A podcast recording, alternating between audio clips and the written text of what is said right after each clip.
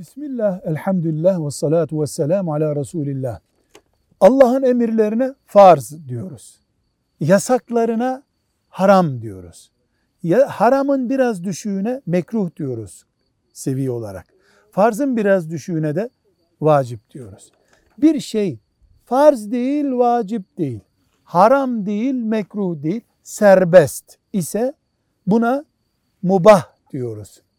Mubahta bir ölçü var mı? Var tabii. Bir defa insan ve ahlak dengesini bozmamalı mubah. Mesela pantolon giymek mubahtır ama rezil bir pantolon mubahlıkta ahlak dengesini bozuyor gibi. Ve israfa götürmemelidir. Mesela meyve suyu içmek mubahtır ama aynı anda 10 bardak meyve suyu içmek mubahta israfa kaçıyor, sağlığa zarar veriyor. 3 kibir nedeni olmamalıdır mubah. Dördüncüsü de yaratılış gayemiz olan insanca ve Müslümanca yaşamayı bozmamalıdır. Mubah dediğimiz şey. Bu dört şeye dikkat ediliyorsa mubahlar insanın serbest yaptığı işler demektir. Velhamdülillahi Rabbil Alemin.